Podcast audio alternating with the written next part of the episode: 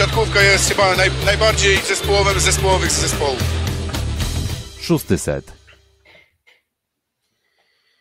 Łapka w górę i łapka pod YouTube'em, e, pod naszym filmem dzisiejszym. Kto tęsknił za takim składem personalnym, żebyśmy w końcu we trójkę nasz rdzeń szóstosetowy, czyli Piotrek, Kuba i Filip, czyli Piotrek ze studia w Warszawie, już nowego studia, już po perypetiach e, mieszkaniowo, remontowo, przeprowadzkowych, więc już nowe studio, nowe tło, może uda mi się przygotować jeszcze lepsze e, tło, które bardziej by oddawało moją siatkarską duszę, a poza mną e, jeszcze oczywiście jest Filip. Ze standardowego studia w Rzeszowie Filip Korfanty, cześć.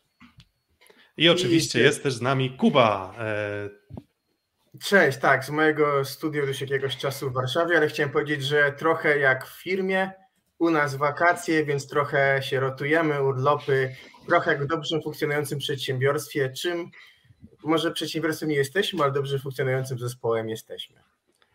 Dokładnie. Um, I właśnie w końcu udało nam się ten nasz zespół wspólny złapać um, i złapaliśmy się w takim momencie, wydawałoby się, no jednym z ważniejszych tego sezonu bo pamiętam właśnie Piotrek Siekierski, który teraz tworzy blogi dla e, Polskiego Związku Piłki Siatkowej, blogi, vlogi.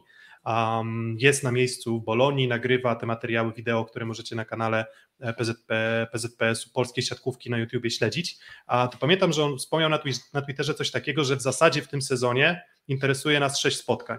Przed nami trzy z tych sześciu spotkań, które tak naprawdę nas interesują. Nie są to spotkania absolutnie kluczowe, bo nasz stosunek do Ligi Narodów jest taki, że to jednak jest turniej na pograniczu chyba trochę testowo, trochę sparingowy. Docelową imprezą sezonu chyba nie ma żadnych wątpliwości są Mistrzostwa Świata, e, które odbędą się w Polsce i w Słowenii. Natomiast e, ta Liga Narodów na pewno jest tematem, o którym no nie mogliśmy nie opowiedzieć. No i zanim przejdziemy tak naprawdę do oceny szans, zanim przejdziemy do charakterystyki e, naszego rywala, to mm, znamy skład i i skład jest chyba jednak odrobinę zaskakujący, a przynajmniej ci, którzy śledzili naszego live'a poprzedniego, w którym też ankietami decydowaliście, co powinien zrobić Nikola Grbicz, to jednak scenariusz, który przewidywaliśmy, był odrobinę inny, a na pewno nie przewidywaliśmy jednego e, scenariusza i zaraz pokażę ten skład.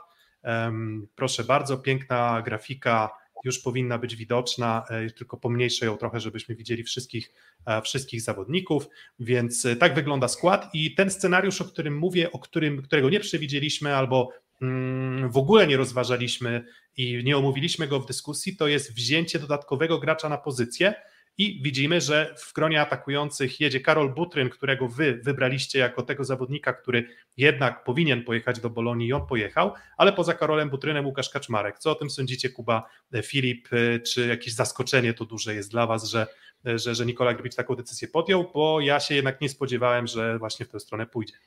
Jak zacząłeś ode mnie, to, to może ja, Filip, zacznę. Moim zdaniem jest tak, że zaczynaliśmy sezon niejako dla Nicole Grzbicza ci zawodnicy z polskiej ligi, których nie prowadził, z carte blanche.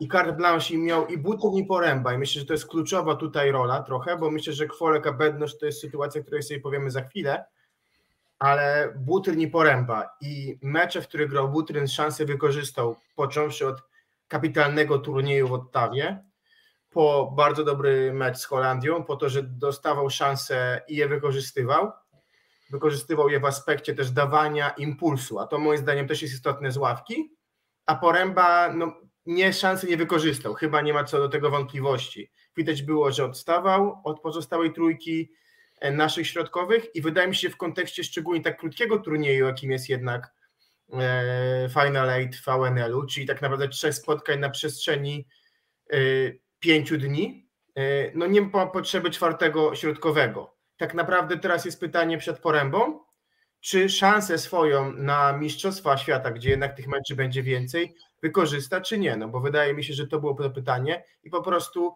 Butryn pokazał y, się kapitalnie i dlatego jedzie kosztem poręby. Ja myślę, że w kontekście Mateusza Poręby kluczowy jest format właśnie rozgrywek, bo Mistrzostwa Świata są na pewno dłuższym turniejem, chociażby przez fazę grupową, dopiero później jest ta faza pucharowa, lekko zmieniony format, ale na pewno jest grane więcej niż e, w Bolonii, czyli gdzie czekają nas ćwierćfinały, ewentualnie później półfinał i mecz o medal. E, stąd pewnie aż tak potrzebny czwarty środkowy nie jest. Y, Piotrek zaczął od pytania o atakujących. No i Kuba od razu jakby odbijając to, co ty powiedziałeś o tym, że Karol Butryn wykorzystał swoją szansę, czyli dawał świetne zmiany, e, dobry turniej ten pierwszy w Ottawie, no to w takim razie co z Kwolkiem, bo Kwolek dawał dokładnie prawie to samo, co Karol Butryn, no bo też trudno powiedzieć, że źle grał w Ottawie, też trudno powiedzieć, że nie dawał dobrych zmian e, na zagrywce, bo, bo tam kilka takich wejść zanotował, więc jakby mm, o Butrynie te argumenty rozumiem, w takim razie to samo chyba też świadczy o Kwolku, a Kwolek nie jedzie. I tu można teraz rozwinąć już temat o to, co mówił Nikola Grybić w tych wywiadach po, po, powołaniowych na Bolonie, czyli w e, wywiadach dla TVP Sport i dla mm, WP Sportowych Faktów. Mm, o Karolu Butrynie padło, że to zawodnik, który przeszedł chyba trochę oczekiwania sztabu, czyli że prezentował się nadspodziewanie dobrze i będzie na pewno potrzebny na zagrywkę jako facet, który potrafi serwować te 125 km na godzinę ponad. Mm, no i po prostu a, taką szansę... Filip, jedno pytanie. Myślisz, że to była taka odpowiedź, żeby zbyć trochę rozmówcę ze strony Grybicza, czy on tak. faktycznie ma takie przekonanie, że to jest 125 na godzinę, to jest coś, co, e, co jest rzeczywistym argumentem za Karolem e, Butrynem? Jeszcze, jeszcze zanim przejdziesz do odpowiedzi, to wyróżniłem tutaj powitanie użytkownika 1908.pl. Cześć dlatego że on nas wspiera. Macie okazję też wspierać nasz kanał.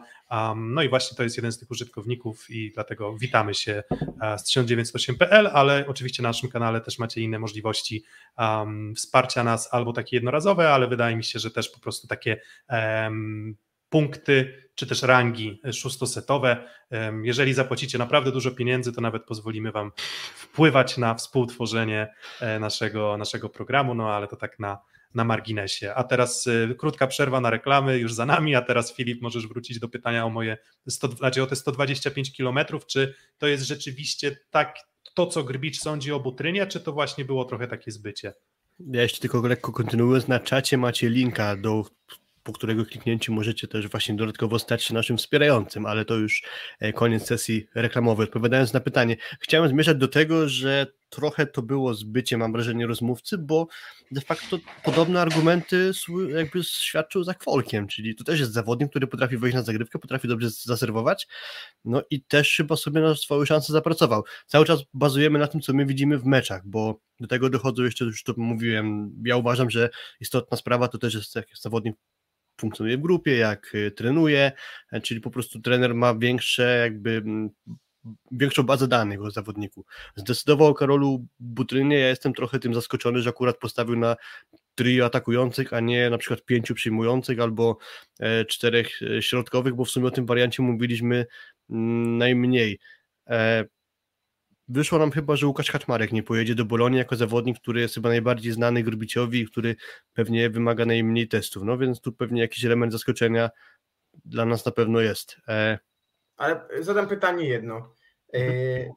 Co mógłby dać Kwolek wchodząc na boisko, czego nie da obecne, e... obecny kwartet przyjmujących? I ja tutaj jakby nie mam żadnej tezy i to nie, ja bym osobiście pewnie na Kwolka w tym turnieju postawił, ale zastanawia mnie to po prostu w tym kontekście, bo jakby przy dwóch atakujących widzę jakby Kaczmarka na blok, Butryna na zagrywkę. Zastanawiam się, co mógłby dać Kwolek, czego nie da Fornal albo, albo Semeniuk, albo Śliwka, albo Bednosz.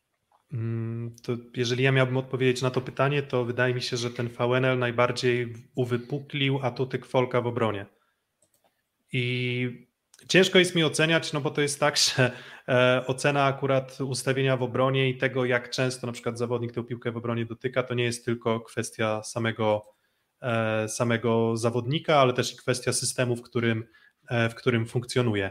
Um, I w przypadku Kwolka miałem wrażenie, że jeżeli miałbym wskazać jeden element, którym on naprawdę najbardziej się wyróżniał, no to właśnie na tle obrony, której moim zdaniem trochę nam brakowało jednak w, w, w przypadku sporej części zawodników um, i w ogóle całej relacji blok-obrona, tego nam po prostu brakowało.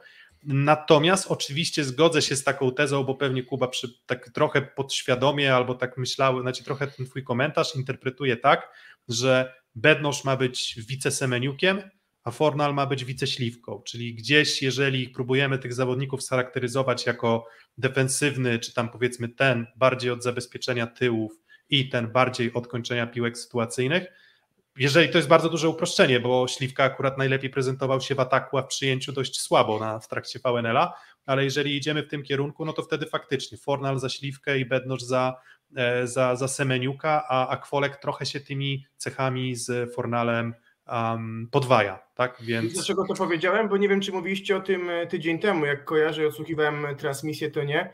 Jeden z naszych słuchaczy napisał do nas, że może czas już skończyć z podziałem defensywny, ofensywny, przyjmujący, zacząć traktować jako symbiozę pewną. I e, wydaje mi się, że sporo z tego, co mógłby dać Kwolek, jednak daje Fornal, co pokazał turniej w Gdańsku i pokazały generalnie statystyki tego, że Fornal miał tych obron najwięcej, a jeszcze wchodząc dokładał czy szczęśliwie, czy nie, no bo tego szczęścia też dużo było na zagrywce. I wydaje mi, co też dawał, też dawał Kwolek, ale Fornal no jakby odwdzięczył się, wydaje mi się, w Gdańsku tym samym, co, Bed, co Kwolek wcześniej w Ottawie i, i, i, w Sofii. Tak to odbieram przynajmniej, a myślę, że po prostu jest wielka wiara w Bednorza Grobicia. Mm, ja myślę, że też jeszcze można by poszukać odpowiedzi w tym, dlaczego jedzie, bo, albo inaczej zacznę. Wydaje mi się, że pewniakami byli Śliwka, Semeniuk i Fornal. Była kwestia jedynie wyboru, czy Bartosz Bednosz, czy Bartosz Kwolek. No i być może argumentu za tym, że pojechał Bednosz, właśnie trzeba szukać w tym, co za nim stoi, czyli e, mówi Nikola Grbidzie o tym, że e, on nie przeszedł jakby całego cyklu treningowego z resztą grupy, nie miał tylu szans na trenowanie z, e, w szóstkach, bo cały czas miał te problemy zdrowotne z szyją, z kręgosłupem i tak dalej. Znamy tę historię, wiemy jak wyglądał chociażby po meczu z Iranem, w wywiadzie pomeczowym, po nim ewidentnie było widać, że on się dobrze nie czuł. Nikola Grbić Bartoszek Folkoś pewnie trochę zdążył poznać. E, stąd pewnie odstawił sobie go trochę na boczny tor, żeby jeszcze dodatkowo przyjrzeć się Bednożowi, bo aż tylu szans nie miał. E, nie wiadomo pewnie, jak te problemy zdrowotne będą wpływać na to, jak Bartosz Bednoż dalej będzie mógł się dalej prezentować. No i dalsza część tego wywiadu jeszcze płynie taka, że mm, przerwa treningowa bardziej negatywnie wpłynie na Bednoża niż nasz Folka, czyli już i tak uszczuplony ten cykl treningowy będzie jeszcze na dwa tygodnie Bednożowi przerwany. E, czyli sporo jakby argumentów wysnuwa za Bartoszem Bednożem właśnie, że w kontekście tego tu i teraz więcej straciłby Bednoż, nie grając w tym turnieju albo nie jadąc na ten turniej, aniżeli Kwolek. No, takie znaczy, jest argumentowanie no, to. Właśnie wiesz, no bo mm, coś, co ja też, nie wiem, no, trochę wypunktowałem, tam oczywiście ja tak lubię czasem kij w mrowisko włożyć, ale coś, co ja też na swoim profilu na Twitterze wypunktowałem, to mm, skoro mówimy o tym, że um, skoro jakby, czy, czy, czy, nie widzimy tutaj sprzeczności w tym, że Grbicz z jednej strony chciałby wygrać wszystko i chciałby przetestować wszystkich, i on bierze tego bednoża i, i, i szanse na to, że ten bednoż dużo zagra, jeżeli wszystko będzie wychodziło dobrze, są niewielkie. Czy on jest w takiej formie i w takim zdrowiu, żeby w razie na przykład potrzeby mm, dać swoją zmianą więcej niż dałby na ten moment Bartosz Kwolek? Nie wiem. Więc jeżeli wszystko będzie szło zgodnie z planem i będziemy mieli tę parę, zakładam, Semeniuk, Śliwka, którą jednak Bicz wydaje się, że ewidentnie promuje i nie będzie potrzeby tego, żeby Bednoż wchodził, to argumenty o tym, że Grbicz nie wie do końca na to stać Bednoża, a i tak raczej nie dostanie szansy, są dla mnie trochę stoją w sprzeczności. Tak, jakby on, on jeżeli, jeżeli wszystko będzie szło dobrze, Bednoż nie dostanie szansy, a Grbicz twierdzi, że on musi zobaczyć Bednoża i przetestować go jeszcze, to jest dla mnie trochę dziwne. Ten argument o treningach Trochę to jeszcze kupuję, ale też mam wrażenie, że chyba będzie tydzień przerwy po Lidze Narodów y, ze strony Grbicza, co oznacza, że tak naprawdę nie przeszkadza nam, powiedzmy, nie wiem, tydzień po Lidze Narodów, w którym Bednoż wracający po, po, po treningu będzie sobie odpoczywał, ale przeszkadza nam już powiedzmy, nie wiem, dwa tygodnie i to też mm, zależy to po prostu od rzeczywistej oceny parametrów, pewnie też fizycznych i samego zdrowia Bartka i jego formy y, przez profesjonalistów, sztab kadry, więc Mam pewne wątpliwości co do tej decyzji, ale pewnie są też elementy, które, które za nią przemawiają, ale, ale, ale trochę, trochę dziwnie, trochę dziwne. Nie, nie jest trochę tak, Filip, zadam Ci takie pytanie. Czy nie zaczyna być trochę naszym przekleństwem ten yy, głębokość wyboru? To jest pytanie z pozoru głupie, ale jak prześledzisz sobie, ja sobie dzisiaj zastanawiam się w dyscyplinach sportu innych niż e, siatkówka. Kiedy drużyna przepotężna odnosiła sukcesy, no to był na przykład Hiszpania w piłkę, tak? Ogromny skład, bardzo mało rotacji, bardzo szybko skład, który grał, bardzo mało rotowali nawet w przygotowaniach trenerzy. Jak Deschamps na przykład we Francji zaczynał rotować, tak jak teraz, Francja nie ma tych wyników. Wydaje mi się, że fajnie, że masz bardzo potężną reprezentację. To jest super kapitał w kontekście treningów, ale ja nie wiem, czy ciągłe testowanie i zmienianie, które zaczął Heinen i Grbić jednak w dużej mierze kontynuuje, co, czy to na dłuższą metę jednak nie jest przekleństwem? Trudno powiedzieć, bo niewiele jest reprezentacji takich w siatkówce, żeby miała aż takie bogactwo składu, więc nie mamy tutaj jakby większego materiału porównawczego. Czy na przykład Brazylia prezentowałaby się tak samo, mm, nie wiem, może dobra, akurat nie Brazylia, tylko na przykład jak wyglądałaby Francja na igrzyskach, gdyby oni mieli bardzo podobnych 20 siatkarzy, a nie wąską, powiedzmy, szóstkę z niewielką liczbą zmienników, bo przekładanie tego na inne dyscypliny trochę nie do końca moim zdaniem ma sens. E, mi się wydaje, że to nie jest problem. To jest problem po prostu wyboru, a nie tego, że, że zawodników mamy za dużo, bo ja jednak wolę wybierać z piątki czy tam szóstki takiej, jaką teraz miał e, Nikola Grbidzia, a co innego byłoby, gdyby była taka czwórka żelazna, tak jak jest na środku na przykład, bo wiemy, że trochę wyżej Subieniek z Kłosem i Kochanowskim, więc patrząc tylko po poziomie sportowym, to Mateusz Poręba e, myślę, że trochę jednak od niego odstaje i załóżmy, że wypadnie Bieniek z Kochanowskim, no to, to nie jest zmiana jeden do jednego z Mateuszem Porębą za nich, tak mi się wydaje, na ten moment przynajmniej. Dlatego ja wolę mieć bardzo podobnych siatkarzy, pięciu czy sześciu na przyjęciu i z nich wybierać, mieć w cudzysłowie problem wyboru, niż mieć e, tylko powiedzmy czterech, a reszta to są zawodnicy bardziej, nie wiem, jako awaryjni, ale z niższym na pewno poziomem sportowym. Nie uważam, żeby to był problem. Wiesz, natomiast... Filip, Filip jakbym, był, jakbym był złośliwy, a trochę jestem złośliwy, to bym powiedział, że jesteś z Rzeszowa, to nic dziwnego, że teoria dwóch równych siódemek ci bardzo pasuje. Ja jestem po prostu przyzwyczajony do takiej koncepcji, dla mnie to nie jest nic nadzwyczajnego, także ja na co dzień z tym żyję od lat. nie chodzi o wybór, chodzi o moim zdaniem jakby już ilość czasu, jaki wykorzystujesz, na selekcję, a nie na zgrywanie. To tylko to dotyczyło moje pytanie. Nie, no tak, no właśnie i ja, ja tutaj właśnie się akurat z, z samym Kubą mm, zgadzam, bo dla mnie siatkówka jednak jest sportem schematów, chyba jak, jak żaden inny tak naprawdę, sportem wypracowanych powtórzeń na treningach, gdzie ten poziom powiedzmy frywolności jest relatywnie niewielki. To nie jest koszykówka, gdzie tam, nie wiem, możesz sobie rzucić z nieprzygotowanej pozycji, wpadnie, albo to nie jest piłka nożna, gdzie przedryblujesz pięciu i tak naprawdę ta przestrzeń jest e, zdecydowanie większa do manipulacji. Więc ja mam takie poczucie, że Grbicz trochę próbuje mieć ciasko i zjeść ciasko, czyli z jednej strony, tak jak mówię, testuje wszystkich, z drugiej strony chce wygrać. Um, no i my bardzo dużo poświęcamy i nie wiem, czy pamiętacie, też była dyskusja w momencie powołań do Tokio, no to tam, nie wiem, Zatorski, Wojtaszek i tak dalej. Było też pytanie o to, kto pojedzie na przykład w roli, w roli tego czwartego e, przyjmującego. Finalnie pojechał, mm, finalnie pojechał Semeniuk, ale nie spodziewam się, żeby Bednosz w tym konkretnym turnieju odegrał ważną rolę i tak jak w Tokio zresztą Semeniuk też tej roli specjalnie ważnej ważnej nie odegrał. Nie wiem, czy po prostu nie robimy trochę, wiesz, nie robimy trochę z, z igieł wideł, o tak. Dokładnie. I po prostu trochę... nie, nie, nie, przekombinowujemy tego, no bo, no bo co, no bo w zasadzie i tak będzie pewnie semeniu kiśliwka na parkiecie.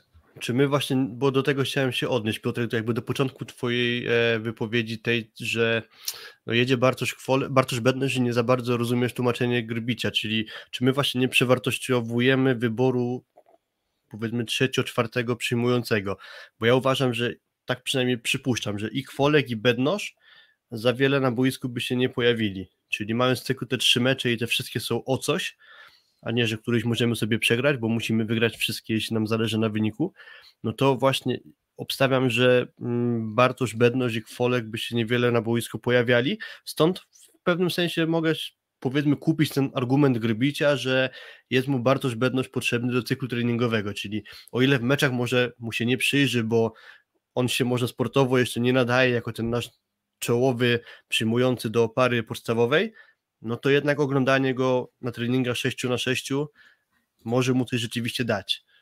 I pod tym kątem jakby rozumiem wybór Bednoża. To jest dla no mnie. No tak, tylko, okay. tylko że ja z drugiej strony, wiesz, mogę podać kontrargument, że Bednoż jeszcze będzie miał półtora miesiąca na pracę treningową i będzie wtedy zdrowszy, będzie lepiej przygotowany, no będzie w lepszej formie fizycznej i będzie obiektywnie zawodnikiem, który wtedy może tę walkę stoczyć. A tutaj mam poczucie, że Kwolek zrobił co mógł, zagrał, zagrał naprawdę fantastyczną fazę grupową i w sumie dostaje przytyczka w nos i ja nie wiem, jak się Bartek Kwolek czuje z sytuacją, w której nie pojedzie na turniej, gdzie wydawałoby się, że jednak sportowo prezentował się mm, no się po prostu lepiej od Bartka Bednoża. I tak jak mówię, ten finał Ligi Narodów i bycie w składzie i ewentualnie wpisanie sobie do CV, że nie wiem, zdobyłeś medal właśnie tej Ligi Narodów, to też jest jakiś tam argument istotny dla graczy, a myślę, że w szczególności dla Bartka Kwolka, którego kariera no, była na jakimś tam mini zakręcie w ostatnim czasie i po prostu tej okazji mieć nie będzie, a jeżeli teraz jedzie Bednosz, to miałbym wątpliwości, czy na pewno, czy, czy, czy Grbicz zachowa stuprocentowy obiektywizm. Zresztą pytanie, czy trener musi zachowywać obiektywizm, bo on ma po prostu wyselekcjonować skład, ma wybrać najlepszych. Więc jeżeli stawia na bednoża i mu to wyjdzie, to super. Natomiast nie mam do końca przekonania, czy, czy, czy, czy była to aż taka gra warta świeczki w przypadku tego konkretnego turnieju, oczywiście. I co mi ja uważam... przychodzi do głowy jeszcze Filip, że y, pewnie pewniakiem jest Semeniuk dla nas wszystkich. Nie mając Leona, tak naprawdę dla mnie też będzie jeszcze w, poza rywalizacją o skład, będzie rywalizacja o drugiego przyjmującego. Nie wiem, czy dla Grbicia, ale ja bym w kontekście tego, co było do tej pory na boisku, zastanowił się nad tym, jakby czy rywalizacja będzie, no bo też lata nasze turnieje często mistrzowskie, czyli dwa, po pierwsze pokazywały dwie prawidłowości. Słabo wyglądaliśmy w VNL-u w 14 roku i w 18, i zdobywali się mistrzostwa, bo się do, do pewniaka pojawiał drugi zawodnik, który robił mega niespodziankę. Tak? 14 Mateusz Mika, 18 Arpur Szalpuk. I teraz jest pytanie, czy jest 22 rok też, czy jest tak, że mamy pewną już dwójkę do gry na Mistrzostwach Świata, czy szukamy też drugiego do Semeniuka dalej? Mm, znaczy nie bardzo wiem, jak mogę to teraz skontynuować, to co powiedziałeś, ale w takim razie wrócę tylko jeszcze na moment do tego, co chciałem jeszcze przedtem powiedzieć e, w kontekście wyboru Bartosza Bednoża i Bartosza Kwolka.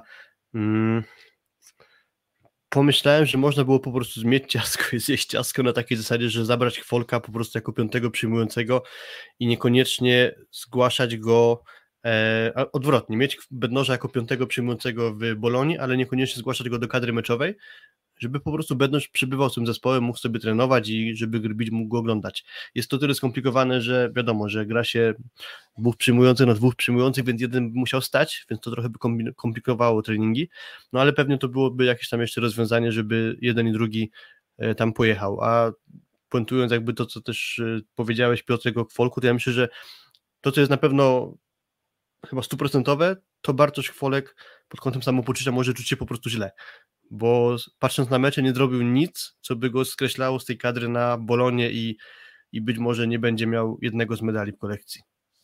Hmm, chyba tutaj możemy też ten temat przyjmujących zamknąć.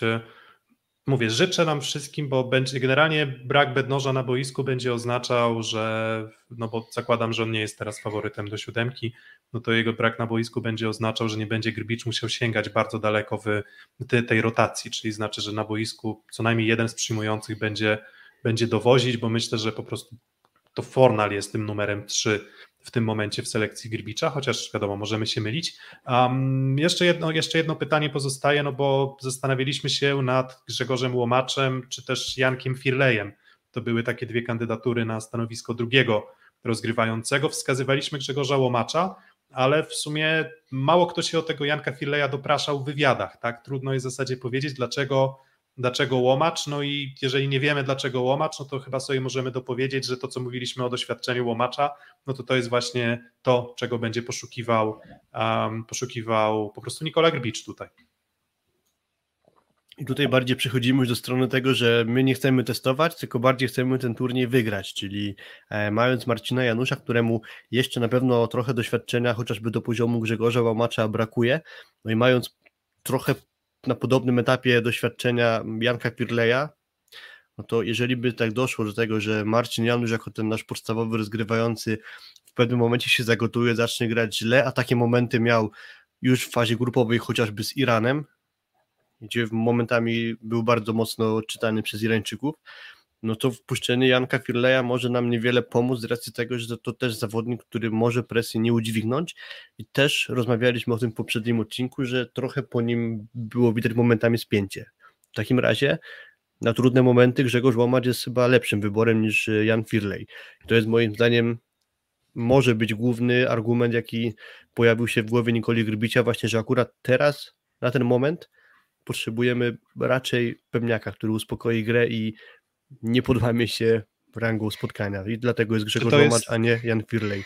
Czy to jest skreślenie Jana Firleja z Mistrzostw Świata? Bo jak widzicie, jeżeli Grbicz w kogoś wierzy, jak Bednoża, to ciągnie go bardzo. Karola Butryna zaczyna wierzyć, chyba tak to wygląda, no a jednak Janek Firlej, no mówiliśmy, że on no, byłby drugim rozgrywającym i też mówię, to, to, to, jest, to, to jest trochę sprzeczność w tym wszystkim, w tym testowaniu i wyborach decyzyjnych i też chęci zwycięstwa, no bo spodziewamy się, że Marcin Janusz będzie grał, no ale pytanie, Jan Firle już jest e, według Was skreślony z Mistrzostw Świata, czy, e, czy, czy on jeszcze będzie miał swoją szansę po prostu na treningach udowodnić wyższość nad Łomaczem?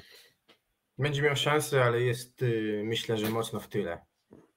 Tak, Pamiętajmy jakiś... jedną rzecz. Łomacz ma za sobą świetny sezon. Naprawdę. Jakby w porównaniu do ostatnich trzech lat ligowych, to był jego, i to mówiliśmy też w trakcie sezonu, bardzo dobry sezon. Hmm, znaczy, do tego e... ma zgranie z każdym środkowym. Każdym. Środkowym reprezentacji.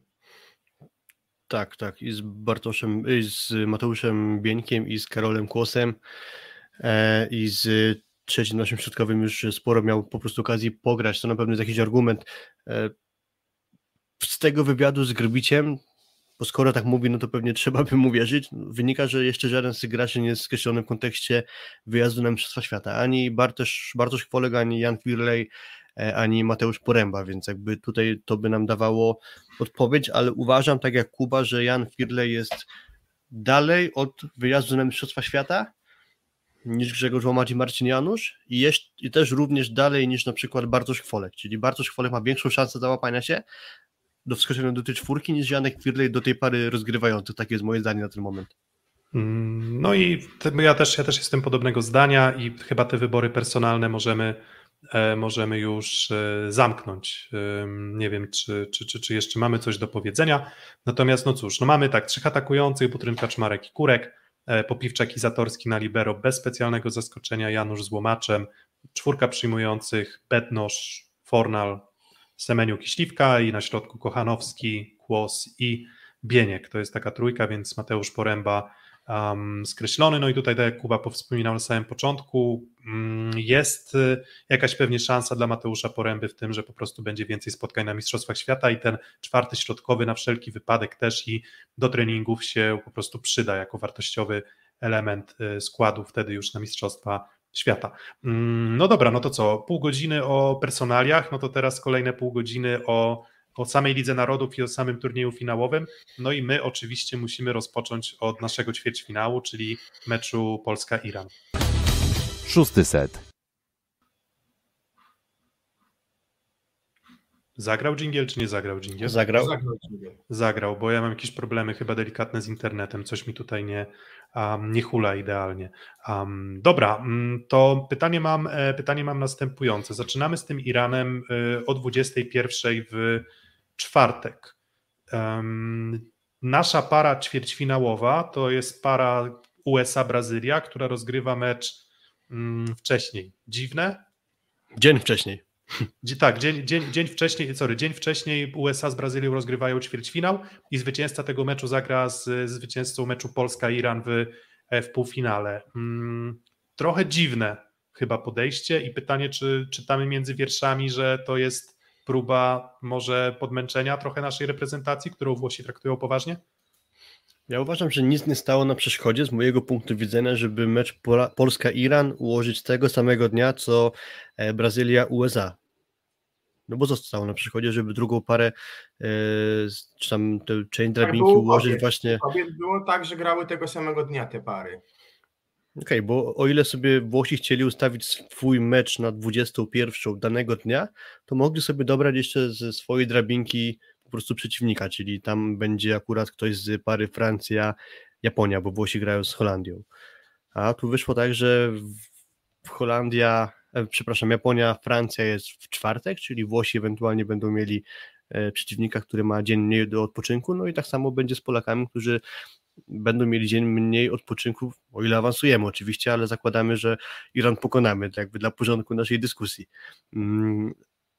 Będziemy mieć przeciwnika, który ma dzień więcej odpoczynku. Dla mnie jest to trochę niesprawiedliwe, nielogiczne, mm, no ale to są organizatorzy, pewnie to, albo inaczej, to jest jedna z, z bardzo wielu dziwnych spraw w kontekście organizacji tego turnieju w Bolonii, bo to, co do nas dociera od wczoraj, co tam się dzieje, jaka jest organizacja, gdzie siatkarze mają spać, gdzie trenować, co jeść i tak dalej, no to jest dramat po prostu, ale to pewnie już jak ktoś się tym interesuje, to już gdziekolwiek mógł przeczytać o tym, więc może chyba nie będziemy o szczegółach opowiadać.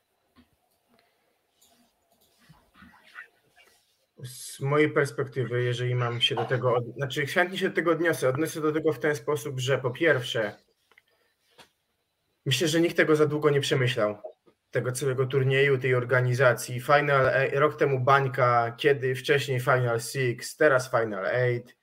Final Six było w graniu grupie, tak, trzy drużyny w grupie, mecz między sobą, teraz nagle Final Eight i, i ta metoda jakby nagłej eliminacji Mm, brakuje stabilności tym rozgrywką i tak naprawdę to jest szycie moim zdaniem zawsze dużo za późno tego, co ma się wydarzyć. Ogłoszenie gospodarzy było chyba w maju albo kwietniu, to jest bardzo późno.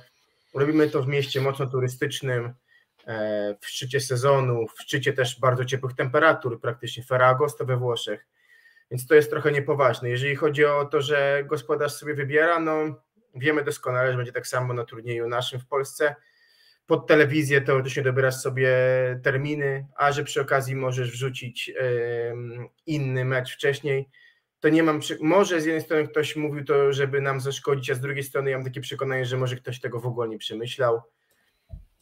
Wydaje mi się, że pod kątem, e, osobiście pod kątem frekwencyjnym i kibiców, fajnie mieć e, wcześniej USA, Brazylia, potem mecz gospodarzy, jeżeli chodzi o cały dzień na hali, niż Francja i Japonia, po prostu, ale myślę, że nie, nie wiem, czy ktoś to jakoś szczególnie w takim założeniu przemyślał, a, a, mo, a może są sprytniejsi niż mi się No właśnie, bo, bo to, tak, bo może, może po prostu znowu dorabiamy ideologię do po prostu randomowego wyboru i po prostu komuś się machnęło, źle wpisało do terminarza i tak wyszło po prostu, że, że akurat y, Polacy zagrają o 21 w czwartek, a, bo to tak, tak wypada, że od czwartek o 21 my gramy z Iranem, a a dzień wcześniej o 18 grają nasi rywale, więc tam wejście kilka godzin więcej, więcej odpoczynku e, na pewno będzie. O warunkach organizacyjnych to, to, to też mogę powiedzieć tyle, że generalnie ta szyta trochę na kolanie bańka w Rimini zeszłoroczna wyszła Włochom lepiej niż, niż jak na razie turniej, na którym jest mniej drużyn.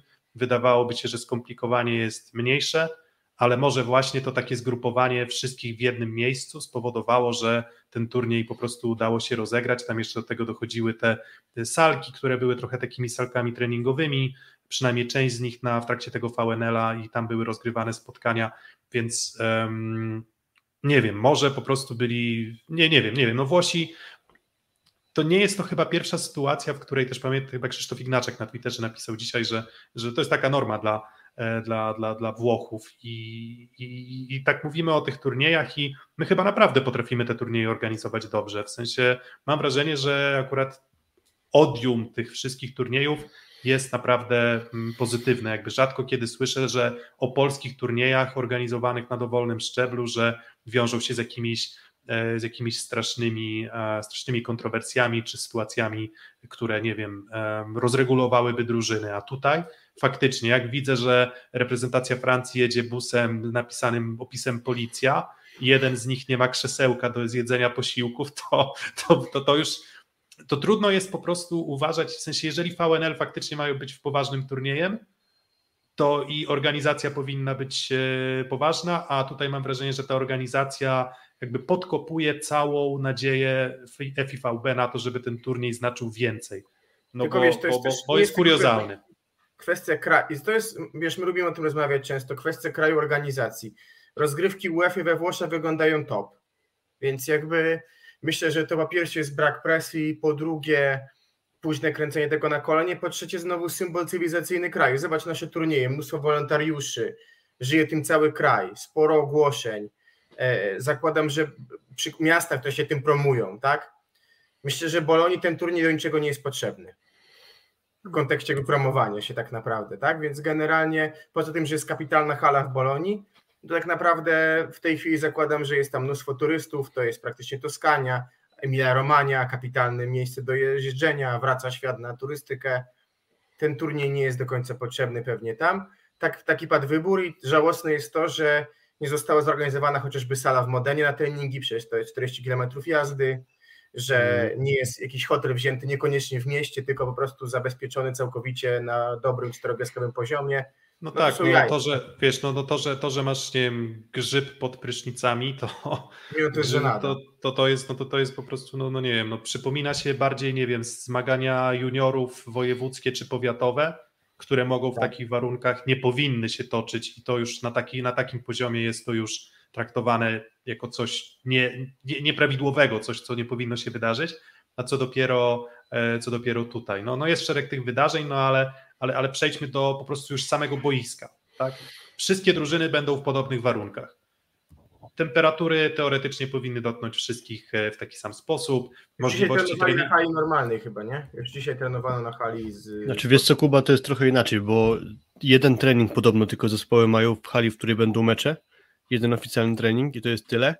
E, Co do e, wyjazdu do Modeny, to Francuzi się jakoś potrafili zorganizować, bo podobno trzy dni trenowali w Modenie, zanim przyjechali do Bolonii i jeszcze im wyznaczyli na 8 rano trening właśnie w hali w Bolonii, to też jest niezbyt komfortowe dla zespołu, trenować o 8, czyli tam pobudka powiedzmy o 6, żeby zjeść śniadanie, o ile to śniadanie będzie, bo posiłków też podobno brakuje w Bolonii. Mm, No i Francuzi podobno też będą jeździć właśnie do Modeny na trening. Tak, tak to niby e, wygląda. E, Druga sprawa, co do całej tej organizacji, no to tylko krótko mówiąc, byłem ostatnio na Mistrzostwach Świata U22 w Tarnowie, gdzie to jest turniej pewnie mógłby być potraktowany po macoszemu, a wyglądało to jakby z perspektywy hali, samej organizacji wewnątrz, no bardzo dobrze. Tam nic nie wskazywało na to, że są takie niedociągnięcia, jakie są w e, Bolonii, bo, bo to jest dramat, gdzie to w ogóle nie powinno mieć miejsca, a nie chcę tego tematu już rozwijać, tylko mi się przypomina scena z Killera, jak tam Wąski mówi, że no, kilka niedociągnięć jest, a Siara mówi, no, kilka niedociągnięć, gdzie to są jakieś dociągnięcia, to jest jakaś prowokacja. I tak, i tak bym to spuentował. Dokładnie. E, Kuba, jak jest e, zabójca czy killer po włosku? As- coś takiego, No, prawda? Więc dokładnie. No to może, może jest jakaś wersja akurat włoska tego, Ja e, bym tego jeszcze- ar- arcydzieła. Piotr jakby zacytował też Killera, chyba że dzisiaj nie mamy takich sygnałów, więc jak to było w Killerze na początku, jest lepiej. No niewiele, ale jest lepiej. No jest lepiej, niewiele, ale jest lepiej. No właśnie, więc no będą, mówię, będą kibice, będzie, będzie hala i ten turniej. Gdybyśmy rozmawiali tylko o kwestiach sportowych, a teraz już możemy zacząć o nich rozmawiać, to zapowiada się bardzo, bardzo ciekawie, bo dawno nie kojarzę, powiedzmy poza powiedzmy parą Włochy, Holandia, gdzie wydaje mi się, że jednak Włosi są takim faworytem bardzo zdecydowanym, to żadnej z drużyn, ani Japonii w starciu z Francją, ani Iranowi w starciu z Polską, ani tym bardziej już Brazylii w starciu ze Stanami, żadna z tych drużyn w teorii niżej rozstawionych nie stoi na straconej pozycji w e, walce o ćwierćfinał. My zaczniemy od tego meczu Polska-Iran. No i kurczę, przegraliśmy 2 do 3 w Gdańsku. E, Zagraliśmy wtedy beznadziejnego tiebreaka, bo trudno go nazwać po prostu słabym, tylko to była katastrofa. Mm, Był moment przecież, którym ile tam było 12 12-2 chyba. 12-2 w po, po serii zagrywek. Um, no i zależy, jak, jak, jak wy patrzycie na ten mecz, tak? Czy patrzycie na ten mecz jako jakiś tam wyznacznik tego, że nie wiem, Iran nam nie leży, czyli to jest anomalia czy trend? Jak to już lubicie się ze mnie, ze mnie podśmiechiwać, no ale ja będę to jakoś obgrywał. Więc czy to był wypadek przy pracy, że Iran zagrał świetny mecz, a my zagraliśmy po prostu mecz z ogromną liczbą błędów, bo tych błędów było bardzo dużo. E, czy może jednak jest trochę tak, że ta charakterystyka Iranu i ich poziom gry po prostu nam troszkę, troszkę nie leżał? E, myślę, że to był nadzwyczajnie dobry mecz Irańczyków, to po pierwsze. Zwróćmy uwagę, że jak popatrzymy na statystyki końcowe, to oni mieli w sumie cztery błędy w ataku, cztery bezpośrednie błędy w ataku. W pięciosecowym meczu to jest malutko, a jeszcze dodatkowy smaczek taki, że w samym pierwszym secie zrobili trzy z tych błędów. Czyli przez trzy kolejne sety i tiebreaka zrobili jeden bezpośredni błąd w ataku, czyli to bardzo niewiele. To świadczy o ich, ich dobrym poziomie. Sam Amin w pierwszym secie zrobił dwa błędy bezpośrednio w ataku, potem już tylko jeden. E, to też jakby świadczy o jego poziomie grania, gdzie statystyki sobie zepsuł lekko w pierwszym secie, który dość gładko wygraliśmy, a potem już grał znakomicie i to też między innymi z nim na zagrywce i ran nam odskoczył w tej breaku. E, teraz pewnie będziemy trochę bardziej gotowi akurat na jego granie, chociaż on ma taką charakterystykę, że potrafi iść wysoko, uderzyć mocno, więc może przeciwstawić mu się będzie ciężko, jeżeli sam nie będzie chciał się e, pomylić, ale to na pewno była jedna z jaśniejszych stron Iranu. Poza tym dużo mówiliśmy o Ebadipurze, który wygląda znakomicie, który wygląda znakomicie. Zupełnie inaczej niż w PGS Krze. Przy czym to nie jest wszystko, bo jeszcze oprócz tego Amina i e, był Esfandier, który tak naprawdę był najlepiej punktującym w tym meczu. Więc Esfandier tam też zagrał znakomite zawody. Biorąc pod uwagę to wszystko razem, no to mi wychodzi, że to była jednak trochę nadzwyczajna, nadzwyczajna dobra postawa Irańczyków, połączona jednocześnie z naszym słabszym meczem, bo, bo nie, nie zagraliśmy powiedzmy przeciętnie jak na nas, tylko po prostu zagraliśmy słabo. I tu też o kilku aspektach można wspomnieć, nie wiem, moim zdaniem słabo grał w tym meczu Janusz, który był dobrze czytany, mm, nie wchodziły Nikoli Grybiciowi chociażby zmiany na zagrywce, gdzie tam w końcówce jednego seta najpierw prowadził bodajże Butryna, który zepsuł i chyba Kochanowskiego, czy kogoś jeszcze na zagrywkę i też, też zepsuli, więc to też jakby kilka takich spraw się nałożyło. Do tego w tym meczu grał Bednosz po raz pierwszy, który wyglądał słabo fizycznie, bo było to po nim widać. O ile w przyjęciu grał dobrze, to w ataku nie dawał nic nadzwyczajnego. Jakby miał wygodną piłkę, to był w stanie kończyć, ale raczej obstawiałbym, że chcielibyśmy od tego zawodnika trochę czegoś ekstra w ataku, a tego brakowało. Mm, więc też trochę testowaliśmy. Dopiero chyba w trakcie tego meczu wchodził na obronę po piwczach, czyli nie od samego początku, dopiero z biegiem tego meczu, e, więc y, dużo rzeczy w naszej grze nie funkcjonowało tak jak powinno. Trochę na pewno było testowania, jak na przykład z bednożem. Pewnie gdyby analogiczna sytuacja działa się w meczu tym czwartkowym, który nas czeka, to bednoż tyle czasu na boisku by nie był, tak mi się przynajmniej wydaje, bo korzystałby Grbic ze zmienników. Więc raczej bym nie dramatyzował tego, że to przegraliśmy. Przegraliśmy po tej breaku, de facto powinniśmy przegrać chyba 1 do 3, bo dopiero w końcówce zagrywku nas uratował Fornal, który tam zrobił dwa asy w samej końcówce, gdzie przegrywaliśmy bodajże 22-23. Więc tak naprawdę no, niby po tej breaku, ale było blisko 1 do 3. Nie, nie dramatyzowałbym. Uważam, że Iran tak dobrego meczu nie powtórzy. Iran, a ja powiem tak. Iran grał cały turniej w Gdańsku fantastycznie, jak na siebie. Yy, lał Serbię, lał Słowenię yy, łatwo. Z Włochami zagrał trochę gorzej niż z nami i Włosi wygrali ten mecz 3 do 1. Jeżeli miałbym ja też na chłodno patrzeć, to myślę, że może być tak, że ja zagra trochę słabiej, chociaż oni myślę się ugruntowali na tym dobrym poziomie. Jest świetna praca trenera, ta drużyna jest zorganizowana. Podobało mi się w meczu z Polską organizacja kontr. Wyglądali w tym aspekcie bardzo pewnie. Dużo kontr, które szły na lotny blok do Amina, który w tym meczu swoje kończył. To mi się w tym meczu bardzo podobało. E, I wydaje mi się, że Iran wszedł na taki poziom, w którym ich obecność w ósemce w ogóle nie jest zaskoczeniem.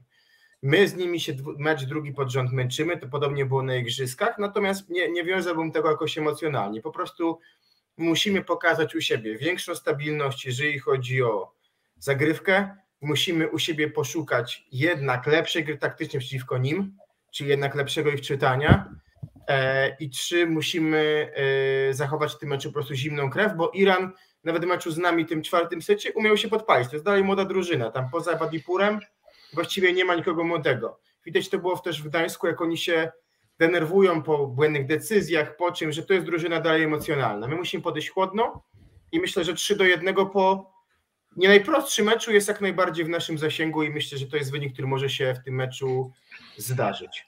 Y, jedna istotna sprawa, jakby Wadi, rozgrywający jest chyba rocznik 8-9, więc jakby obok tak, tak, on, on Wadipura jeszcze rozgrywający jest tak. na pewno postacią doświadczoną, a Amina widzimy tak naprawdę pierwszy raz na poziomie międzynarodowym, czyli poza Ligą Irańską.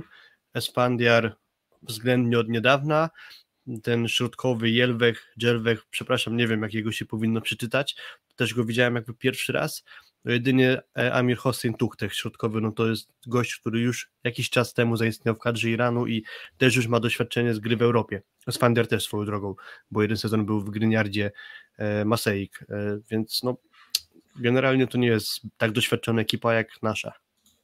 No ja tutaj dodałbym jeszcze, jeszcze jeden element do tej całej układanki, a mianowicie to, że i w przypadku reprezentacji Iranu dość szybko wykrystalizowała się tam jakaś tam grupa powtarzalnie grająca. Um, jest tercet, jest tercet Amin, jest tercet y, Amin, Ebadipur i Esfandiar. To są trzy postaci, które naprawdę grały fantastycznie i one bardzo dużo grały w Lidze Narodów. To nie było tak, że jak w naszym przypadku Fornal, Kwolek, Bednosz, w zasadzie większość Ligi Narodów i większość pracy pewnie na treningach już wykonywali oni z zamysłem, że będą tym docelowym składem. U nas jednak Grbicz podszedł do tego zupełnie inaczej, co uważam, że było oczywiście zdrowe, bo trzeba było przetestować wszystkich i też dużo jakości u nas było. Natomiast myślę, że to już będzie inna reprezentacja Polski, inna reprezentacja Iranu. Coś, te rzeczy, którymi my się zachwycaliśmy w kontekście Iranu i tych starcia w Sofii. Mm, teraz wydaje mi się, że już te atuty na przykład organizacji gry już powolutku, powolutku powinny być też widoczne u nas. Jeżeli nie będą, to będzie to bardzo trudny mecz. Jeżeli my się zatrzymaliśmy na jakimś tam etapie naszej rozwoju, budowy drużyny, nie powinno tak być, ale jeżeli by tak było, no to wtedy no, będzie to mecz wyrównany, trudny też z tego powodu, że Iran kopie z zagrywki mocno. Z, z, drużyn, które są tutaj na tym, na tym turnieju, Iran kopie naprawdę mocno i to bardzo wyszło i to taka kruchość nasza w przyjęciu przez całą Ligę Narodów wychodziła, a w tym meczu z Iranem mam wrażenie, że w ogóle najmocniej ze wszystkich. Więc oczywiście my cały czas mamy potężne argumenty ofensywne, cały czas mamy potężne argumenty na zagrywce, cały czas indywidualna jakość naszych graczy pewnie jest wyższa sumarycznie czy uśredniając niż Irańczyków. Więc jeżeli my zrobimy postęp, nie boję się o ten mecz. Jeżeli będzie tak, że cały czas jeszcze, nie wiem, te rotacje trochę nas rozregulowały i te ostatnie półtora tygodnia nie wystarczyły Grybiczowi, no to będzie to niełatwy mecz, tak myślę. Cały czas stawiam nas w roli faworytów, cały czas uważam, że 3-0 lub 3-1, bardziej 3-1, ale mm, ten mecz może być łatwiejszy bądź trudniejszy w zależności od po prostu postępów w naszej grze, a my nie mamy pojęcia, jakie te postępy były, nie wiemy tego. Iran moim zdaniem już był na zupełnie innym etapie rozwoju drużyny w Gdańsku. Tak, no cała sprawa tego, czy będziemy po prostu potrafili zagrać lepiej niż w Gdańsku, a myślę, że skoro stawiamy na wynik, to, to raczej już Nikolaj Grbić nie będzie tak robił, że chociażby niezbyt dobrze grający, przyjmujący będzie trzymany na boisku. E, być może też wcześniej zmieni gdyby tak się zdarzyło, że Janusz będzie równie czytany co w Gdańsku, też być może wcześniej zmieni e, rozgrywającego, więc no, jak zagramy na wynik, myślę, że, że tutaj i tak widzę nasze większe szanse, pomimo tego, co też zgadzam się Piotrek z Tobą, że Iran był chyba bliżej swojego optimum niż e, my jeszcze niedawno. E, ale Eba Dipur to taki fest, nie? Taki z najlepszego Tak, najlepszy. Tak, tak, no tak, tak, to, to prawda, to prawda. Eba Dipur naprawdę wygląda świetnie. E, liczyliśmy na to, że uda nam się jeden polski akcent z reprezentacji Iranu ściągnąć, ale niestety tam obowiązki treningowe trochę nam przeszkodziły w tym, a tak to z chęcią posłuchalibyśmy Wojciecha Janasa, o, który jest y, specem od przygotowania fizycznego teraz reprezentacji Iranu i ciekaw jestem, jak on wydźwignął tego Ebadipura, bo skrzep, PGS Krzeweł Chatów nie wyglądało to na pewno tak dobrze. Um, wyróżniam Justynę, Justyna Popłonikowska y, jest naszym nowym członkiem wspierającym. Bardzo dziękujemy. Mamy nadzieję, że będzie jeszcze więcej osób, którym podobają nas się nasze nawijki na mikrofonie o siatkówce, a, a, a Justyna jest już kolejną osobą, która nas wspiera, więc oczywiście zachęcamy. Więc witamy Justyna, dziękujemy za, e, za wsparcie. Mm, dobra, to takie pytania jeszcze w kontekście naszej kadry. Co chcielibyście zobaczyć albo czego Wam brakowało i co musimy pokazać na tym turnieju, żeby zdobyć medal lub wygrać? Blokowana. Bezwzględnie moim zdaniem przyjęcie jeszcze bym dodał, bo to była nasza duża powiedziałbym, jak na ten poziom grania pięta Hillesowa, zwłaszcza to, co się działo w strefie przyjęcia Aleksandra Śliwki i jakby strefy konfliktu wokół niego, bo, bo to mi się bardzo rzucało w oczy, no to na pewno nawet w kontekście już tego meczu z Iranem, gdzie wspomnieliście, że oni potrafią kopać zagrywki, to może być nasza bolączka. E, poprawy przyjęcia, poprawy systemu blogobronu. Tego bym oczekiwał, że to będzie funkcjonowało lepiej niż to było w fazie grupowej Ligi Narodów. Blok obrona, bo jakby możemy, dzisiaj rozmawialiśmy sobie też na naszym czacie o Włochach, że, to, że ci rywale jednak tacy trudni nie byli, ale ich organizacja dużo lepsze niż my w tym aspekcie. I znowu to pewnie wracamy do tego, że kwestia zgrania minut na boisku, tego, że rotowaliśmy, ale mamy w tym aspekcie według mnie kolosalne, kolosalne yy, rezerwy. Drugi sezon pod rząd. I my mówię, side-out mamy bardzo dobry, nawet przy gorszym przyjęciu, ale ułożenie nawet, i, nawet, I nawet przy Januszu, wiesz, i ten side-out nawet przy Januszu, co do którego my może jakieś tam zastrzeżenia tak. mamy, ale i tak jest, jest ok to, to, to mówię, w aspekcie organizacji się blok obrona, szczególnie skuteczny kontr, no to jeżeli zakładamy, że topem jest Zakra, no to nam jest jeszcze daleko, albo bardzo. I, i, I, widzicie, i to jest właśnie coś, co zaskakujące, co poruszaliśmy też w tym naszym poprzednim live podsumowującym fazę grupową, że, że no nie możemy zarzucić któremukolwiek z naszych zawodników, że tego bloku nie ma. Tak samo jak i nie możemy zarzucić na przykład, że nie wiem, Semeniuk, Śliwka, Zatorski nie potrafili funkcjonować fenomenalnie tak naprawdę w, w, w, relacji właśnie na przykład w obronie, tak, bo, bo tej obrony też, też na, pewno, na pewno odrobinę brakowało i szans na kontry. Sporą część tych naszych breakpointów generowaliśmy po prostu, no powiedziałbym nie, niecenzuralnie, ale bardzo mocnymi uderzeniami z linii 9 metra, żeby nie powiedzieć e, brzydziej. Um, i... Tak, co, co do jeszcze jakby tego umiejętności blokowania, to właśnie padło pytanie, czy nawet Bienkowi nie można zarzucić, że nie potrafi blokować. Jakby uważam, że to nie, nie tak, że nie potrafi, nie tak, że nie potrafi. A, mówiłeś o skrzydłowych, okej. Okay. No to jakby to nie tak, że Bienik nie potrafi blokować, ale gdzieś raz po raz od jakiegoś czasu się powtarza, że jakimś tam pewnym jego mankamentem przy całej jego świetności jednak jest ten element bloku. Ale nie tak, że nie potrafi albo że się nie nadaje. Z Bienkiem no, już nawet... dużo bloków, nie? Czy tak, no tutaj właśnie Adrik pisze, że było chyba pięć bloków, nie wiem, chyba ze Słowenią, tak, tak chyba było. E, no, z... Cały czas bym też jeszcze powtarzał, nie, z Iranem, z Iranem nie, wpadło. Nie, Iranem nie oceniałbym gry w bloku liczbą punktowych bloków, bo, bo to jest Nie, oczywiście, oczywiście, to, to, to Nie do końca mia, mia, miarodajno, tak. Tak, to, to, to, to, też, to też absolutnie bez, bez dwóch zdań. Mm, no i tak, i, i, i tego bloku brakuje. Um, tego bloku um, na pewno nam brakuje, brakuje tego bloku punktowego. Ostatni raz, w którym ja miałem poczucie, że my wyróżniamy się albo gramy bardzo dobrze na bloku, to paradoksalnie była właśnie Liga Narodów zeszłoroczna, gdzie tam za Heinena potrafiliśmy naprawdę katować rywali blokiem. Przy czym zaprosiliśmy swego czasu Oskara Kaczmarczyka do naszego, do, do szóstego seta i on wtedy powiedział, że wszystko fajnie, wszystko super, ale przecież my w te bloki punktowe w trakcie Ligi Narodów zeszłorocznej robiliśmy głównie na drużynach słabszych, które wychodziły na nas drugim składem albo jakąś mieszanką. Słabe były z założenia, a dodatkowo jeszcze słabsze przez po prostu decyzje personalne. I to było trochę pewnie, trochę zamaskowywało obraz tego, jak w rzeczywistości radziliśmy sobie w trakcie mm, potem już Igrzysk Olimpijskich. No i to samo jest właśnie z Bieńkiem, no tylko no, czy, czy można zrezygnować z Bieńka? Czy można powiedzieć, żeby, nie wiem, Mateusz Bieniek nie, nie, nie zagra, bo, mm, bo w tym momencie nie mam takiego poczucia na przykład, że Kuba Kochanowski daje od niego na przykład więcej, bo bloku też trochę nie ma. Mm, zagrywka jest gorsza niż Bieńka i za, za powiedzmy zagrożenie ofensywne, no to Bieniek jest chyba jednak zawodnikiem, którego można też wykorzystywać z trudniejszych nieco pozycji, z trochę innych piłek wrzuconych, nie wiem, na przykład z trzeciego trzeciego, e, czasem nawet, nie wiem, 3,5 metra spokojnie można to zagrać e, z bieniem, więc... Mm, Właśnie, kto wyjdzie, kto wyjdzie w czwartek na środku? I w ogóle kto wyjdzie w czwartek wszędzie, bo to jest w sumie, w sumie pytanie, tak? No Janusz Kurek na pewno, no to tutaj chyba nie mamy żadnych wątpliwości. No na środku myślę, że Bieniek i Kochanowski, mimo wszystko, mimo wszystko. Nawet jak, nawet jak wskazywaliśmy atut Kłosa na bloku, to, to tutaj też się nie spodziewam jakichś zaskoczeń. Na libero Paweł Zatorski, czy jakaś będzie rotacja?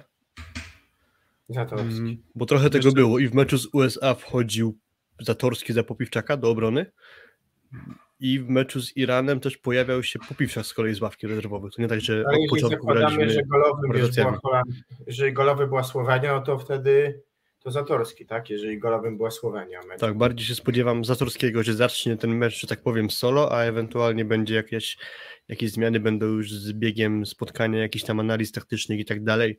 A co do mm, środka, zgadzam się też. Mi się wydaje, że Bieniek Kochanowski to będzie nasza bardziej podstawowa para. E, Kurek, Janusz, tu chyba wątpliwości nie ma, tak jak Piotrek mówiłeś. No i na przyjęciu sądzę, że zaczniemy ze Śliwką i z Semeniukiem. Ewentualnie może Fornal z Semeniukiem jeszcze. No ale, ale raczej ten, raczej stawiam na, na Semeniuka ze, e, ze Śliwką. Mm, Na Libero ja myślę, że jednak rotacja od, od początku.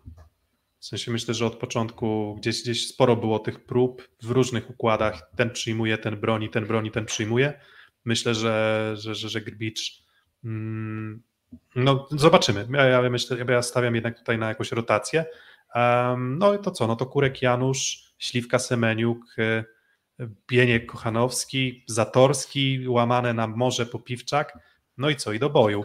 E, Z tym Iranem po prostu trzeba będzie stoczyć ciężki bój. To na pewno nie będzie, nie będzie łatwy mecz. No jesteśmy faworytem. Trudno im może- będzie w półtora tygodnia formę stracić, tak żeby to miał być łatwy mecz dla nas. Mówię o Irańczykach Dokładnie. teraz. Dokładnie, a nam, a nam z kolei no w, też jakby ani, ani nie, ja nie wierzę w jakieś rewolucje, jeśli chodzi o szykowane szczyty formy w przeciągu półtora tygodnia, w sensie ciężko jest mi uwierzyć, że nagle magicznie ta nasza gra nie wiadomo jak się bardzo poprawi, no ale na Iran wystarczy. No pytanie, czy będzie wystarczać na, na kolejne drużyny, no bo naszym rywalem w kolejnym ćwierćfinale, znaczy w półfinale, potencjalnym rywalem, bo nie możemy mówić, jakby nie dzielmy skóry na niedźwiedziu, bo już się kilka razy na tym przyjechaliśmy, e, jest USA z Brazylią. No i tutaj już może tak pokrótce będziemy pewnie finiszować, ale USA, Brazylia, wasze typy i, i dlaczego, dlaczego ta drużyna? Mm, Kuba, twój faworyt? Dobra, yy, o który, tak, więc tak, po kolei jadąc, tak, po meczach, czy pytałeś Nie, konkretnie już naszego gościa? o, o naszego, naszego rywala od USA, Brazylia. Pierwsze pytanie zadałem. Trudne, strasznie, bo podobali mi się Amerykanie. Ja ich, ja ich lubię, ja lubię tą drużynę. Podobali mi się i wyglądali w tej fazie bardzo ciekawie. Zagraliśmy z nimi bardzo fajny mecz. Myślę, że do tej pory ten, który się najlepiej oglądało.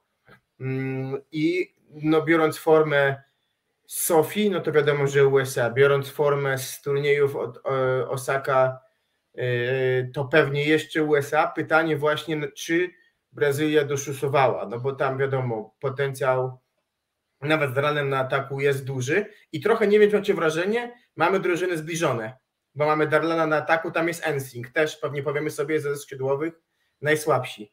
Jest fenomenalny Defalco, który was bardzo łączy, który no, rozwija się pięknie. Myślę, że myślę, że w Rzeszowie muszą się z tego powodu cieszyć. Jest Russell, który jest zdrowy, versus Rucarelli, który miał problemy zdrowotne, też wraca do gry, no, mój ulubieniec.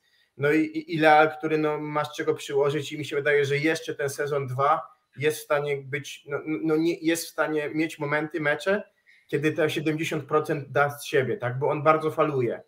Więc jeżeli będą Amerykanie w stanie zmęczyć Leala, no to, no to w takim wypadku myślę, że yy, myślę, że mo- mogą ten mecz wygrać i jakbym miał obstawiać, bo środek jest moim zdaniem dość zbliżony, yy, yy, mimo tego, że no, może trochę na ciut, na ciut na Brazylię, chociaż gra naprawdę dobrze w tej Lidze Narodów, yy, no to bym tutaj obstawiał jakieś 53 do 47 dla Stanów Zjednoczonych, czyli tiebreak dla USA.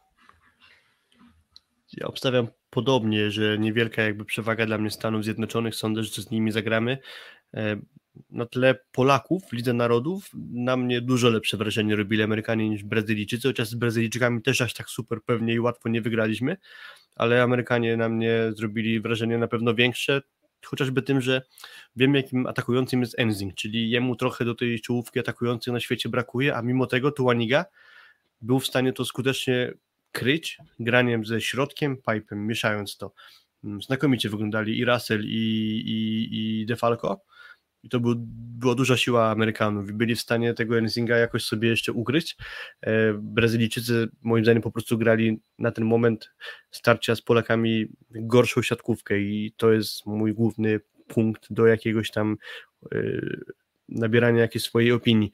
Mm, co do jeszcze Amerykanów, duża zmiana w postaci powrotu Christensona, czyli przypuszczalnie na pozycji rozegrania powinno być jeszcze trochę lepiej niż y, to było dotychczas. Mm, ja, ja, hmm. ja przewrotnie chyba postawię na Brazylię, bo wydaje mi się, że, że, że, że progresują i wydaje mi się, że jednak osobiście personalia brazylijskie może odrobinkę, odrobinkę wyżej stawiam i, i mówię przewrotnie, nie mam tutaj jakiegoś wielkiego przekonania, nie podbuduję tego nieprawdopodobną analizą, bo, bo jej nie mam, ale wydaje mi się, że, że, że większość osób pewnie postawi na USA, a ja akurat myślę, że Brazylia może zrobić, może zrobić psikus. Coś, co jest argumentem przeciwko Brazylii, coś, co jest argumentem za USA, to, to USA fantastycznie wygląda fizycznie od początku Ligi Narodów. Mm, tam naprawdę, jak widać, dynamikę ataku w zasadzie każdego ze skrzydłowych, a głównie oczywiście Defalco, który akurat jest, no nie wiem, fenomenalny, jeśli chodzi o te warunki, sprawność, taką skoczność, e, właśnie dynamikę i, i wygląda naprawdę nieprawdopodobnie świeżo i z Christensenem po prostu się, się bawią. Odbudowany Russell, tutaj wyśmiewany, mm, wyśmiewany Kyle Ensing. Tutaj jest jakiś tam, że, że chyba musi zagrać e, Haynes na przykład, a Ensing był jednym z najskuteczniejszych atakujących fazy grupowej. To jest trochę zaskakujące. Mnie też to, mnie też to dziwi, bo, bo w tym meczu z Polakami na przykład zaprezentował się słabo, ale to na pewno nie był jakiś bardzo zły turniej w jego wykonaniu. Ale Brazylia to jednak jest cały czas ogromna jakość Lucarelliego, ogromna jakość Leala, bardzo dobrze wygląda Flavio też y, w tej Lidze Narodów. Myślę, że nie bez powodów trafia do. A, a być może zagra już Lukas, który grał niewiele w fazie grupowej, bo też na etapie pewnym miał kontuzję, więc Isakiem może grać też Lukas, a niekoniecznie musi być Flavio. A, jest, a cała jest... trójka prezentowała się mhm. dobrze. W sensie Lukas jakby domyślnie może się zaprezentować dobrze jako jeden z najlepszych środkowych świata w ogóle. Tak, jest jeszcze jeden atut, a mianowicie to, że tam praktycznie od deski do deski grał a, Bruninho Bruno, Bruno Rezende i myślę, że, że, że to jest też na pewno jakiś atut, jeśli chodzi o zgranie, w sensie tam nie było wątpliwości co do tego, którego rozgrywającego wykorzystujemy.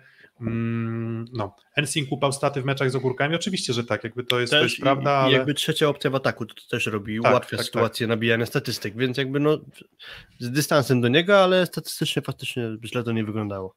A Dokładnie. Bruno mówisz, Piotrek Bruno, że grał dużo, ale on w Sofii rozrzucał gnój. No, no tak, Ale tylko że widzisz, tylko że, tylko że dostał szansę, żeby to, ten rozrzutnik gnoju jednak opanować. Regulować. Wiesz, jakby, jakby wyregulować, więc tutaj i, i on, i też zgranie ze z zawodnikami na pewno będzie już coraz lepszym atutem, więc, więc Brazylia na pewno idzie w górę, Stany fazie, fazie grupowej oczywiście grały lepszą siatkówkę, ale znowu, jak w przypadku Polski z Iranem, ja oceniam to troszeczkę inaczej, a, czyli też to, gdzie teraz drużyny mogą być i może stąd ta Brazylia, ale widzę, że tutaj wasze głosy zdecydowanie na USA, 88% głosów na razie na USA. Mm, dobra, dalej. E, Francja, Japonia, bo Włochy, Holandia chyba zostawimy na koniec, tutaj chyba krótko można skwitować, że że, że, że Włosi będą faworytem, ale zanim o tym meczu, no to jeszcze Francja, Japonia. Francja też moc, trochę jak my, moc personaliów, poważny skład praktycznie przez całą Ligę Narodów, prawie że kompletny, albo już na, od pewnego etapu kompletny. I też grający dużo jednak no, powtarzalnym składzie, trochę rotował na prawym skrzydle, Andrea Gianni, bo ani Patri, ani Błaje nie dawali mu jakiejś tam specjalnej jakości, ale drużynowo jakby indywidu, znaczy inaczej, indywidualna jakość tutaj przeważała i to powodowało, że Francja wygrywała. Znowu nie przekonywali mnie swoją grą. Mm, dojdzie Francuzom Grebennikow, który do tej pory jeszcze nie grał, ale imponuje mi u Francuzów niezmiennie to, że Erwin Gapel jakby podjął się e, roli jakby takiego wprowadzenia do zespołu trenera Andrzej Dzianiego, bo też wiemy, że dość niespodziewanie rozstał się z tą kadrą Bernardo Rezende, musiał szybko adaptować się do pracy tam Andrea Gianni, no i jako, że znają się z Ngapetem, no to Ngapet podjął się tego, że będzie jeździł na każdy turniej po to, żeby być takim łącznikiem między trenerem a, a zawodnikami reprezentacji Francji, więc to pewnie gdzieś kwestia tego zgrania, jakichś automatyzmów, pomimo zmiany trenera, to tutaj mogła przejść być może trochę łagodniej. E, może łatwiej było wejść Gianniemu do pewnie specyficznej trochę grupy francuskich siatkarzy. Ja uważam osobiście, y, tutaj, bo tak, y, trochę Piotrek pamiętam powtórzysz, ale y, Blem ogarnął bardzo poletko, świetnie wyglądali Japończycy, jeżeli chodzi o efektowność, bardzo dobrze grali z zespołami słabszymi od siebie i też postawili się zespołom od siebie lepszym. Ograli Włochów chociażby, więc wyglądali zaskakująco dobrze. E, tylko, że pytanie, czy na poważnie przygotowany zespół nie zabraknie im mocy. E, I wydaje mi się, że tak może być w tym meczu, ale jeżeli mieliby zaskoczyć Japończycy, to mam takie przekonanie, że bardziej w VNL-u niż, niż w Mistrzostwach Świata, bo trochę mamy, mamy niby ponad miesiąc do Mistrzostw Świata po, po, po yy, VNL-u, ale myślę, że też się wszyscy uczą na błędach i nie chcą robić dwóch szczytów formy, tak? A myślę, że Japonia szczyt formy zdecydowanie jest najbliżej ze swojego szczytu ze wszystkich zespołów. No tak, no Japonia to, to, to, Japonia to w ogóle jest drużyna, która najmocniej budowała i czerpała z tego, z tego swojego indywidualnego zgrania. No dwie armaty mm, Nishida, i um, Ishikawa? Boże, Ishikawa oczywiście, Yuki, Yuki Ishikawa. Boże, I oni... nie, nie Ishikawa, tylko ten. Yy, nie, dobrze nie no, nie, no dobrze, dobrze, Ishikawa. Ishikawa, Ishikawa. Tak. A ja Ishikawa. miałem na myśli teraz Takahashiego, ale to nie Nie, ale Takahashi, Takahashi akurat nie aż, aż takiej roli nie odegrał. Tutaj fajny komentarz Wix0905, że, że właśnie to nonszalanckie trochę towarzystwo z Francji może się poślizgnąć na Japonii. Um, też wydaje mi się, że z tego powodu, że Francuzi raczej jednak to są siat wiecie, ja nie lubię takich uproszczeń, że to siatkówka francuska, ale nikt z nas nie, chyba nie, nie, nie może odmówić tego, że Francuzi mają swoją charakterystykę i to są rozwiązania, z którymi Japończycy mam wrażenie lepiej sobie poradzą niż z brutalną siłą. W sensie, że, że mam takie poczucie i tutaj może jakąś tam niespodzianeczkę wieszczę, a na pewno trudny mecz dla, e, dla, dla Francuzów. Oczywiście, że są faworytem, oczywiście, że też powinni grać lepiej i oczywiście, że Japonia też już znowu, trochę jak Iran z graniem, i powtarzalnością i właśnie tą swoją grą w obronie no, obrzydzała życie, ale też Japończycy potrafili się męczyć z drużynami z tej dolnej półki i od już, nie wiem, w zasadzie od połowy Ligi Narodów też nie grali już spotkań z, z taką absolutną, mm, absolutną ścisłą czołówką, poza Brazylią na sam koniec, gdzie tam przegrali 0, 0 mm, do 3. Um, więc oczywiście faworytem jest Francja, tutaj bez dwóch zdań, ale, ale myślę, że kurczę, no tiebreak może być, może być tiebreak, mogą być jakieś sety na przewagi i, i, mówię, na Japonię bym nie postawił, ale na pewno nie postawiłbym na łatwe zwycięstwo Francuzów. Na pewno dużo ciekawszy mecz, moim zdaniem przynajmniej niż e, Włochy-Holandia, bo tam pewnie będzie bardziej jednostronnie. Japonia jest o tyle ciekawym zespołem, że jakby cały czas wydaje mi się, że oni robią postęp w tym składzie osobowym, no i też oprócz tego, że dołączył tam Philip Blaine, no to jeszcze dochodzi chyba to, że gracze istotni, czyli ja uważam, że skrzydłowi są bardziej istotni niż środkowi, mieli okazję okrzepnąć w lidze europejskiej. Czyli jest to Nishida, który grał we Włoszech, jest Ran Takahashi, który grał we Włoszech, e, Ishikawa wspomniany, grali we Włoszech, no i jeszcze do tego mamy rozgrywającego Masahiro Sekita, który spędził sezon też, jak wiemy, w europejskiej lidze, czyli w Kuprum Lubin plus lidze. I o ile, I o ile nie ma to się zachwycać tym, jak grali, bo nie grali dobrze w lidze włoskiej, co do zasady, Raczej, raczej to nie było tak, że oni tę ligę zjedli.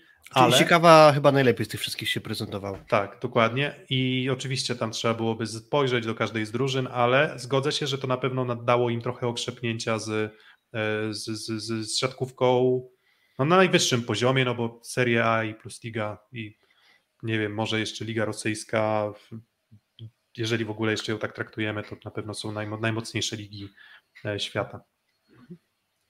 No, Faworytem Francuzi, ale pewnie, pewnie, pewnie ciekawe granie. Włochy, Holandia chyba tutaj najmniej do powiedzenia mamy, bo, bo cóż można powiedzieć o Holandii, poza tym, że to trochę jak jest w lidze Bentaro dependencja, tak w Holandii jest y, Nimiro dependencja i cały czas uważam, że Holandia mogłaby być ewentualnie jeszcze trochę półkę wyżej zespołem, gdyby mieli lepszego rozgrywającego.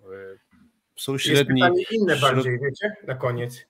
Czy czy Włosi, którzy wygrali fazę zasadniczą, unikając Brazylii i USA jednak e, w graniu, e, są faworytem numer jeden, czy nie? Bo na pewno poziom zgrania soszczówki mają najwyższy. Bo de mm. facto to jest ta sama kadra co rok temu, która się dobrze na boisku bawi, budowana wokół Trento, z dużym zgraniem e, zawodników ze sobą. Doszedł jeszcze Zajcew co do tego składu z Mistrzostw Europy. Zajcewa na Euro nie było. Bukmacherzy mówią, my, naj, my numer jeden, faworyt, drugi Francja, trzeci Włosi, ale czy, czy, czy powielacie to, to stanowisko? No nie wiem, no ja byłbym, w sensie myślę, że powinniśmy zdobyć medal albo na pewno wejść do półfinału i tam już mamy dwie szanse na to i jedną z tych szans wykorzystamy na medal. W sensie, że na pewno wygramy jedno, czy na pewno, no myślę, że wygramy jedno z tych dwóch spotkań, które nam zostanie, jak już wejdziemy do strefy półfinałowej. Więc medal, ok, faworyt do zwycięstwa.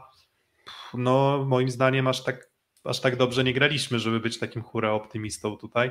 Um, mówię, Włosi już pokazali dla mnie jakość fantastyczną. Lavia gra, grał świetną Ligę Narodów, e, Micheletto to jakby kontynuuje swoją bardzo dobrą grę. Mm, Romano też wbrew pozorom wyglądał całkiem nieźle, on też był niezłym uzupełnieniem tego zestawu skrzydłowych, no ale też i systemowo, no to taki no taka zaksa trochę, co jeżeli mówimy o defensywie, tak? Chyba Jakby właśnie Włosi jakoś... robili największe wrażenie, jeśli chodzi o grę blog obrona, powiedzmy, albo po prostu takie e, wykorzystywanie e, zgrania zespołu, jakby grania zespołowego, nie na indywidualnościach, tylko jako zespół. Czyli Włosi no się krzyżują z... Włosi... Włosi się krzyżują z Francją i Japonią, tak? Tak. No, um, kto, tutaj pytanie, kto grał tak dużo lepiej od nas? No, Włosi grali, no i właśnie do, chyba Włosi są tutaj takim głównym rywalem, o jakim my myślimy um, w, kategorii, w kategorii nie wiem, tych, którzy mogą wygrać, wygrać cały turniej. Więc oczywiście, że no mówię, to przecież możemy wygrać. No przecież nie, nie powiem, że nie powiem teraz, że to jest nieobiektywna, jako jakaś nie mega postrzelona ocena, że reprezentacja Polski w takim składzie personalnym, w jakim jest, nie jest w stanie wygrywać wszystkiego jak leci. Tyle tylko, że pomiędzy możemy wygrać, a jesteśmy ogromnym faworytem do zwycięstwa, jest przepaść. Bo a mówię, a my możemy wygrać, my nie jesteśmy ogromnym faworytem i to nie jest tak, że porażka naszych e, w ćwierćfinale będzie dla mnie bardzo, bardzo dużym rozczarowaniem, ale już porażka na przykład nie wiem, w półfinale z, z, ze Stanami czy Brazylią, to co, to, to, to co załamywać ręce, no, no nie, no, no może, może jednak nie, no są mecze, które raz na jakiś czas przegramy. Myślę, że powinniśmy oczekiwać wygrania z Iranem, bo to jest zespół też trochę na nowo budowany, a jednak uważam, że o potencjale siatkarskim gorszym od Polaków, ale cała reszta z puli rywali, powiedzmy Amerykanie, Brazylia, Włosi, Francuzi, możemy spokojnie po prostu przyjąć porażkę, że to się może przytrafić. Ale Iran oczekuje, że pokonamy. Jakby od tego bym jakby wymagał. Czyli cel medal, złoto będzie fajnym, fajną wisienką na torcie. Dokładnie. Tak, tak. Um, Zadowoli mnie medal. Dokładnie. I w tym miejscu, e, w tym miejscu stawiamy, e, stawiamy kropkę, jak to lubię mówić, i kończymy nasz, nasz dzisiejszy live. Um, chyba na Twitterze będzie jeszcze taki spokój, gdzie też ciekawe osoby na pewno się będą wypowiadać. Tam chyba o 21.30 jeśli dobrze pamiętam, więc jeżeli ktoś jest użytkownikiem Twittera, to to oczywiście też zapraszamy, może też nawet coś tam mrukniemy do mikrofonu jeszcze, jeżeli dyskusja będzie się ciekawa. Na pewno będą też osoby, które będą miały dużo do powiedzenia, tam zazwyczaj też pojawiają się e, postaci, e, no po prostu byli siatkarze, którzy też mają bardzo dużo do powiedzenia. Um, dziękujemy jeszcze raz nowym wspierającym, czy w zasadzie nowej wspierającej e, Justynie, jeśli dobrze pamiętam, tak? Um, pamiętajcie, że możecie jeszcze nas wspierać w dowolny sposób.